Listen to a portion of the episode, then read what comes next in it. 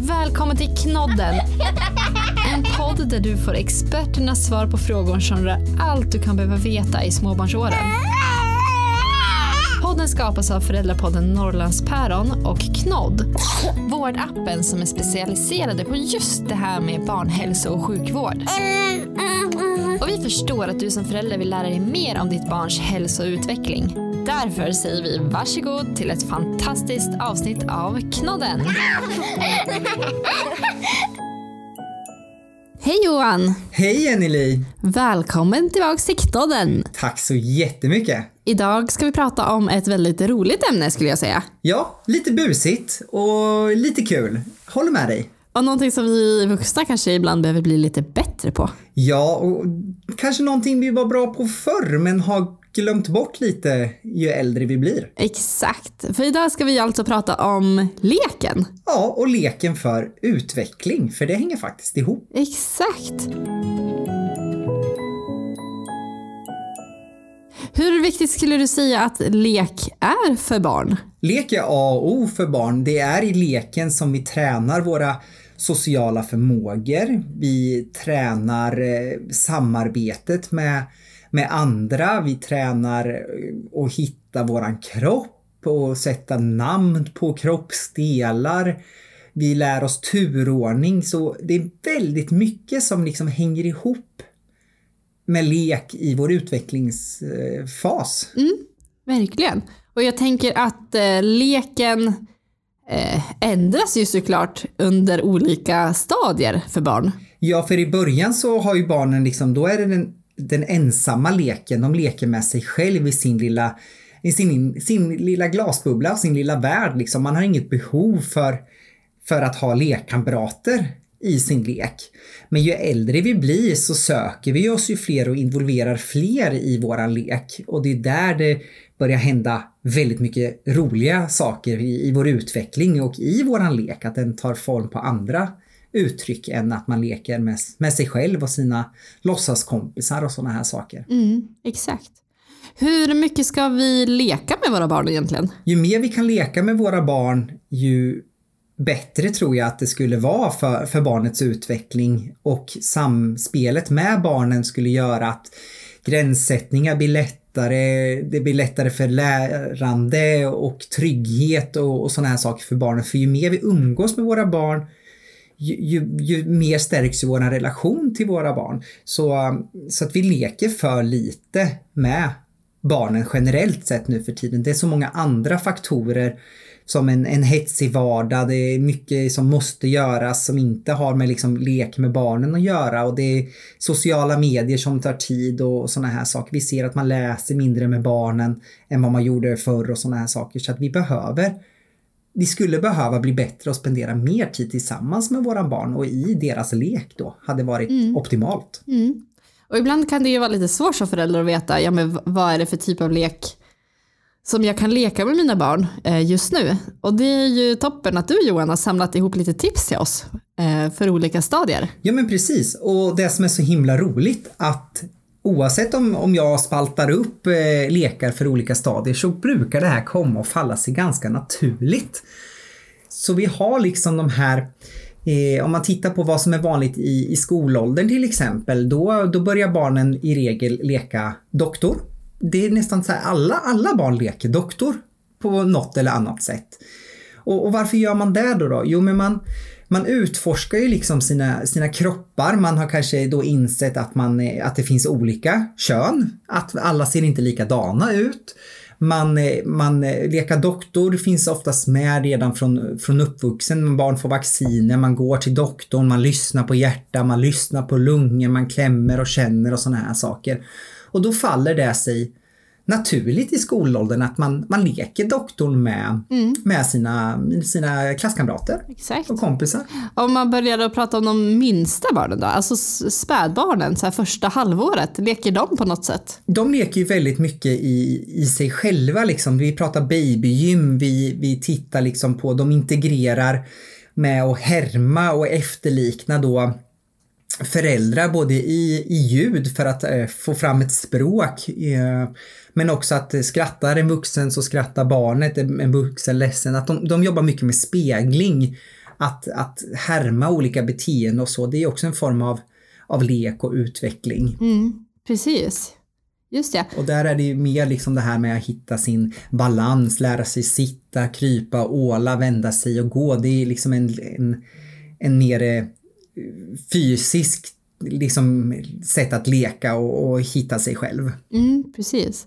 Och sen är det väl någonstans där omkring som även så här tittutlekar blir jättepoppis. Ja, det brukar ju komma där någonstans runt, eh, ja men över ett halvår upp mot ett år kanske. Mm, Sen kommer kurragömman in istället. Men, eh, men ja, tittutlekar att man Barnet förstår ju liksom inte det här med att man är kvar bakom ett skynke fast man inte ser ansiktet eh, på ett sätt. De har inte liksom greppat de här olika dimensionerna av synen och sådana här saker så att eh, det blir väldigt spännande att någonting försvinner, sen kommer det tillbaka igen. Exakt. Och då blir, det, då blir det en kul lek. Det känns som att sånger också är väldigt populärt. Just när de är så här runt, ja men sex månader, ett år. Sång är väl alltid populärt skulle jag säga. Men det är ju något som man kan göra tillsammans. Ja men precis och det här har ju med att träna då och höra olika ljud. Ofta när vi då sjunger med de yngre barnen så är det ju i form av att man har någon form av rörelsemönster kopplat till sången. Det är att klappa händerna, det är stampa fötter, det är ja men imse mimse spindel med de rörelserna som finns med där så att det blir ju en det blir, man, man använder alla barnens sinne, man tar synen, man tar hörseln, man tar känsel och så vidare. Så att det blir ju en, en, en, en lek för, för sinnena. Sinneslek kan man säga. Ja, precis. Och klossar, så bygga och riva saker känns ju också som man fick göra hela tiden när de var i den åldern. Precis, och där har vi motoriska lekarna, liksom att de ska lära sig att träna sin finmotorik, att hitta balansen och stapla saker på varandra eller att hitta rätt figur som ska ner i rätt motsvarighet till, till hål så klossen försvinner och sådana här saker. Så att det, det, har mycket med motoriken att göra. Mm, just det. Och när mitt barn blir eh, mellan ett till två år då, vad, vad händer i deras liv då som vi kan utveckla med hjälp av lek? Ett till två år, ja men alltså det är liksom det här, det kommer in lite att då börjar de härma mycket. Eh, de börjar härma föräldrarna. Eh, man liksom, även här börjar man liksom börja se skillnader på vad som är kvinnligt respektive manligt, alltså att könsrollerna kommer in lite grann. Eh, det är kanske någonting man inte gör medvetet men, men det finns där och barnen anammar det här ganska tydligt liksom vad, vad pojkar gör och vad flickor gör. Eh, Man, man, man får se lite vilket håll som de dras åt och vad de har anammat för de speglar ju fortfarande väldigt mycket av rollerna som är i kärnfamiljen där de är uppvuxna. Såklart. Och eh, det känns som att så här, sandlådan är väl väldigt poppis. Sandlådan är väldigt poppis och där vet jag inte du som har flera barn in i. Har du märkt att i början när man är i sandlådan att då leker de med sig själva och eh, det kastas sand på de andra och de är i vägen och man bara plöjer över någon annan sandslott liksom för att du leker Exakt. du leker med dig själv liksom. Ja. Men successivt, det kanske går något år till. Helt plötsligt så börjar man Åh hej, är du också här och du har också en spade och kan jag ta din spade? Att det blir ett mer samspelt och en, en lek tillsammans där då. Ja men precis, det blir ofta affärslekar. Min yngsta dotter är ju fyra och där är det mycket affär i sandlådan nu. Baka kakor och sälja tillsammans och Ja. göra glass och allt vad det är av den där sanden. Och tänk vilken härlig fantasi barnen har där. De har levt i fyra år, det är inte jättelänge. Men hur mycket de har fått med sig. Gå till affären, köpa byteshandel, ta betalt. Hur mycket liksom ganska, om man ser det, är ganska djupa saker man måste förstå att vill du ha någonting så kostar det och vill du, du får tillbaka om man ger och sådana här saker. Det är väldigt djupa grejer som vi ändå tränas av en sån enkel sak som att leka affär. Ja, verkligen. Och det som är roligt är att hennes syskon då som är sju, tre år äldre, de har ju lagt på hela mattetänket nu när de har börjat skolan också. Så där är det mycket, det här kostar fem kronor. Har du fem kronor? Ja, jag har eh, sju kronor, hur mycket får jag tillbaks? Det tycker de är kul, så att det är så roligt att de kan utveckla leken ju äldre de blir. Ja, och det, det är ju det som det speglar sig i den utvecklingsnivån de är och de tar in mycket från från sin, eh, sin kärnkontext och den eh, plattformen som de är i men också då kommer ju skolans plattform in också i hemmets plattform. Och så ska man då hitta en balans och, och få uttryck för det här. Och um, någonstans däremellan nu mellan fyra och sju år där, där har vi de här maktlekarna också som är väldigt mm. vanliga. De, de fortsätter även högre upp i åldrarna men det här med att någon är prins och någon är prinsessa och någon ska undersåta någon annan, liksom att någon har mer makt. Ja. Det här kommer också väldigt tidigt men man ser det kanske, om man börjar analysera det så är ju verkligen det här en form av, av maktspel. Att någon får bestämma över någon annan. Ja men verkligen. Och det behövs också tränas men också lära sig att säga ifrån. För här börjar det också många gånger bli lite obekvämt att någon får en roll som de faktiskt inte vill ha och då blir man kanske ledsen eller elak liksom att man måste säga ifrån att nej men du får inte bestämma på det här sättet över mig. Ja men det, det, det finns många sociala samspel här i maktleken som, som står till grund för hur vi tar hand om saker och ting framöver också. Mm, ja men verkligen. Hur är det när de är runt två år, två, tre år? Vad, vad kan man leka med ett barn då? Vad gillar de att göra?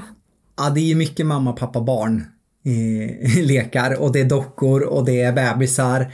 Och, och det kommer också in det här med nu sa vi nu i två år, det, det, vi kan dra upp det lite längre också sen, men det här ut, först har man ju dockan man tar hand om och man ger mat och sådana här saker och byter blöja för det kanske man gör på sig själv och då speglar man över det till vad man gör med dockan.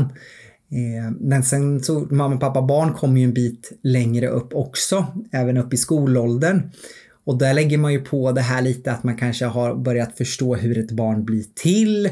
Det, det kan bli lite Ja men folk gör, barn gör roliga saker för oss vuxna som, som kan bli lite konstigt. Att de ligger på varandra. De vet inte vad de gör och de har liksom inte förstått hur ett barn blir till men det finns reflexer inbyggda i liksom det här som, som precis som om man tittar på hundvalpar så, så eh, även om de är pyttesmå och omogna och inte alls fattar vad de gör så, så juckar de på varandra. Det, är lite, det finns kvar hos oss människor också fast vi inte tror det. Att det här finns till och att man då, viktigt att man tänker på, gör inte barnet generat i det här. De förstår inte vad de, vad de gör eller ser ut att göra men det finns så djupt inne i vårt DNA så att det finns fortfarande kvar. Så att så länge de inte skadar sig eller skadar någon annan så avbryt inte där och då utan ta det här vid ett senare skede när det är lugnt och harmoniskt. Ja men det, det kan man ju verkligen se. Och som sagt redan när de är små, eh, ja men så här, ska börja pussas och man får, man får ju prata lite om gränser kring, kring kroppen då också. Vilket jag tycker är ett bra ämne att prata, som du säger, lite oladdat om. Ja, för man behöver det och det, och det är ett bra tillfälle men gör det inte där och då så att barnet blir generat för det, det kan slå fel ut. Men gärna efteråt sen liksom. Och man kan prata relationer och man kan prata gränser och man kan prata liksom vardagsproblemslösningen brukar vara jättekul att se hur de löser det här att någon går till jobbet och någon ska diska och så hör man hur de diskuterar med varandra och det här är en spegling av vad de ser i hemmet. Ja, ja men verkligen. Så man kan ju få sig en liten tankeställare och bara oj hoppsan, är det så här det låter ur barnets öron hemma? Eh, oj då. Ja, men verkligen. Det man, händer ju lite så ibland också. Ja, man hör sig själv genom dem väldigt mycket hemma. När de låtsas prata telefon låter de ju exakt som en själv. Mm. ja, det där vet jag vart du har fått ifrån. Ja, och de, de är ju liksom, de härmar ju. Det är så de lär sig och ser. Och de är inte dumma utan de anammar väldigt mycket igenom mm. Eh, att bara vara nära oss och se hur, hur vi hanterar det och sen så leker de ut det här på sitt eget sätt sen och blir sin egen individ. Verkligen. Och jag tänker, någonting som jag brukar tänka på när jag leker med mina bra barn är ju att så här, ibland så kan det bara räcka och liksom sätta sig bredvid dem, speciellt när de kanske blir lite äldre då och börjar ha sina lekar och bara sitta bredvid och lyssna in vad de håller på med. Och sen rätt som det så blir du tilldelad en roll i deras lek. Eh, så det behöver inte alltid vara att man själv behöver komma på vad som ska lekas utan häng med barnet i, i dens lek. Och det är ett superbra råd. Toppen att du tog upp det för att det är just det här bara att närvara så brukar det falla sig naturligt. Och man behöver inte gå 100% all in som du säger, att många gånger så räcker det med att vara bara nära. Mm, exakt. Och så kommer du få en, en, en roll som, som kanske får en liten, liten, liten inflikning i den stora leken, men du är ändå där och du är med och du kan anamma och, och se och lära väldigt mycket av dina barn samtidigt som du faktiskt säkert kan göra lite egna saker också. Ja, ja men alltså vi vuxna borde bli bättre på att leka själva tycker jag också. Det är väldigt kul. Det är faktiskt väldigt kul. Få kliva, kliva ur allvaret och livet en sekund och leka något som man vill leka. Och det kommer tillföra väldigt mycket energi. Och se också sina barns fantasi. Det, det är fantasi och fan, sådana här extraordinära saker som, som vi vuxna liksom inte riktigt har vi, vi får inte uttryck för det här i vår, i vår vardag för det är så seriöst hela tiden så kan det vara ganska skönt att få vara i den här fantasivärlden en stund och bara få, få som du säger, slappna av lite grann. Ja, precis. Njut av de stunderna. Det är sista inspelet. Njut.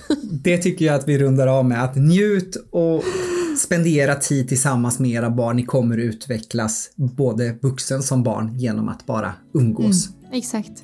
Tack för idag Johan. Vi hörs snart igen. Tack själv Jenny Ha det gott. Ha det fint. Hej då. Hej då.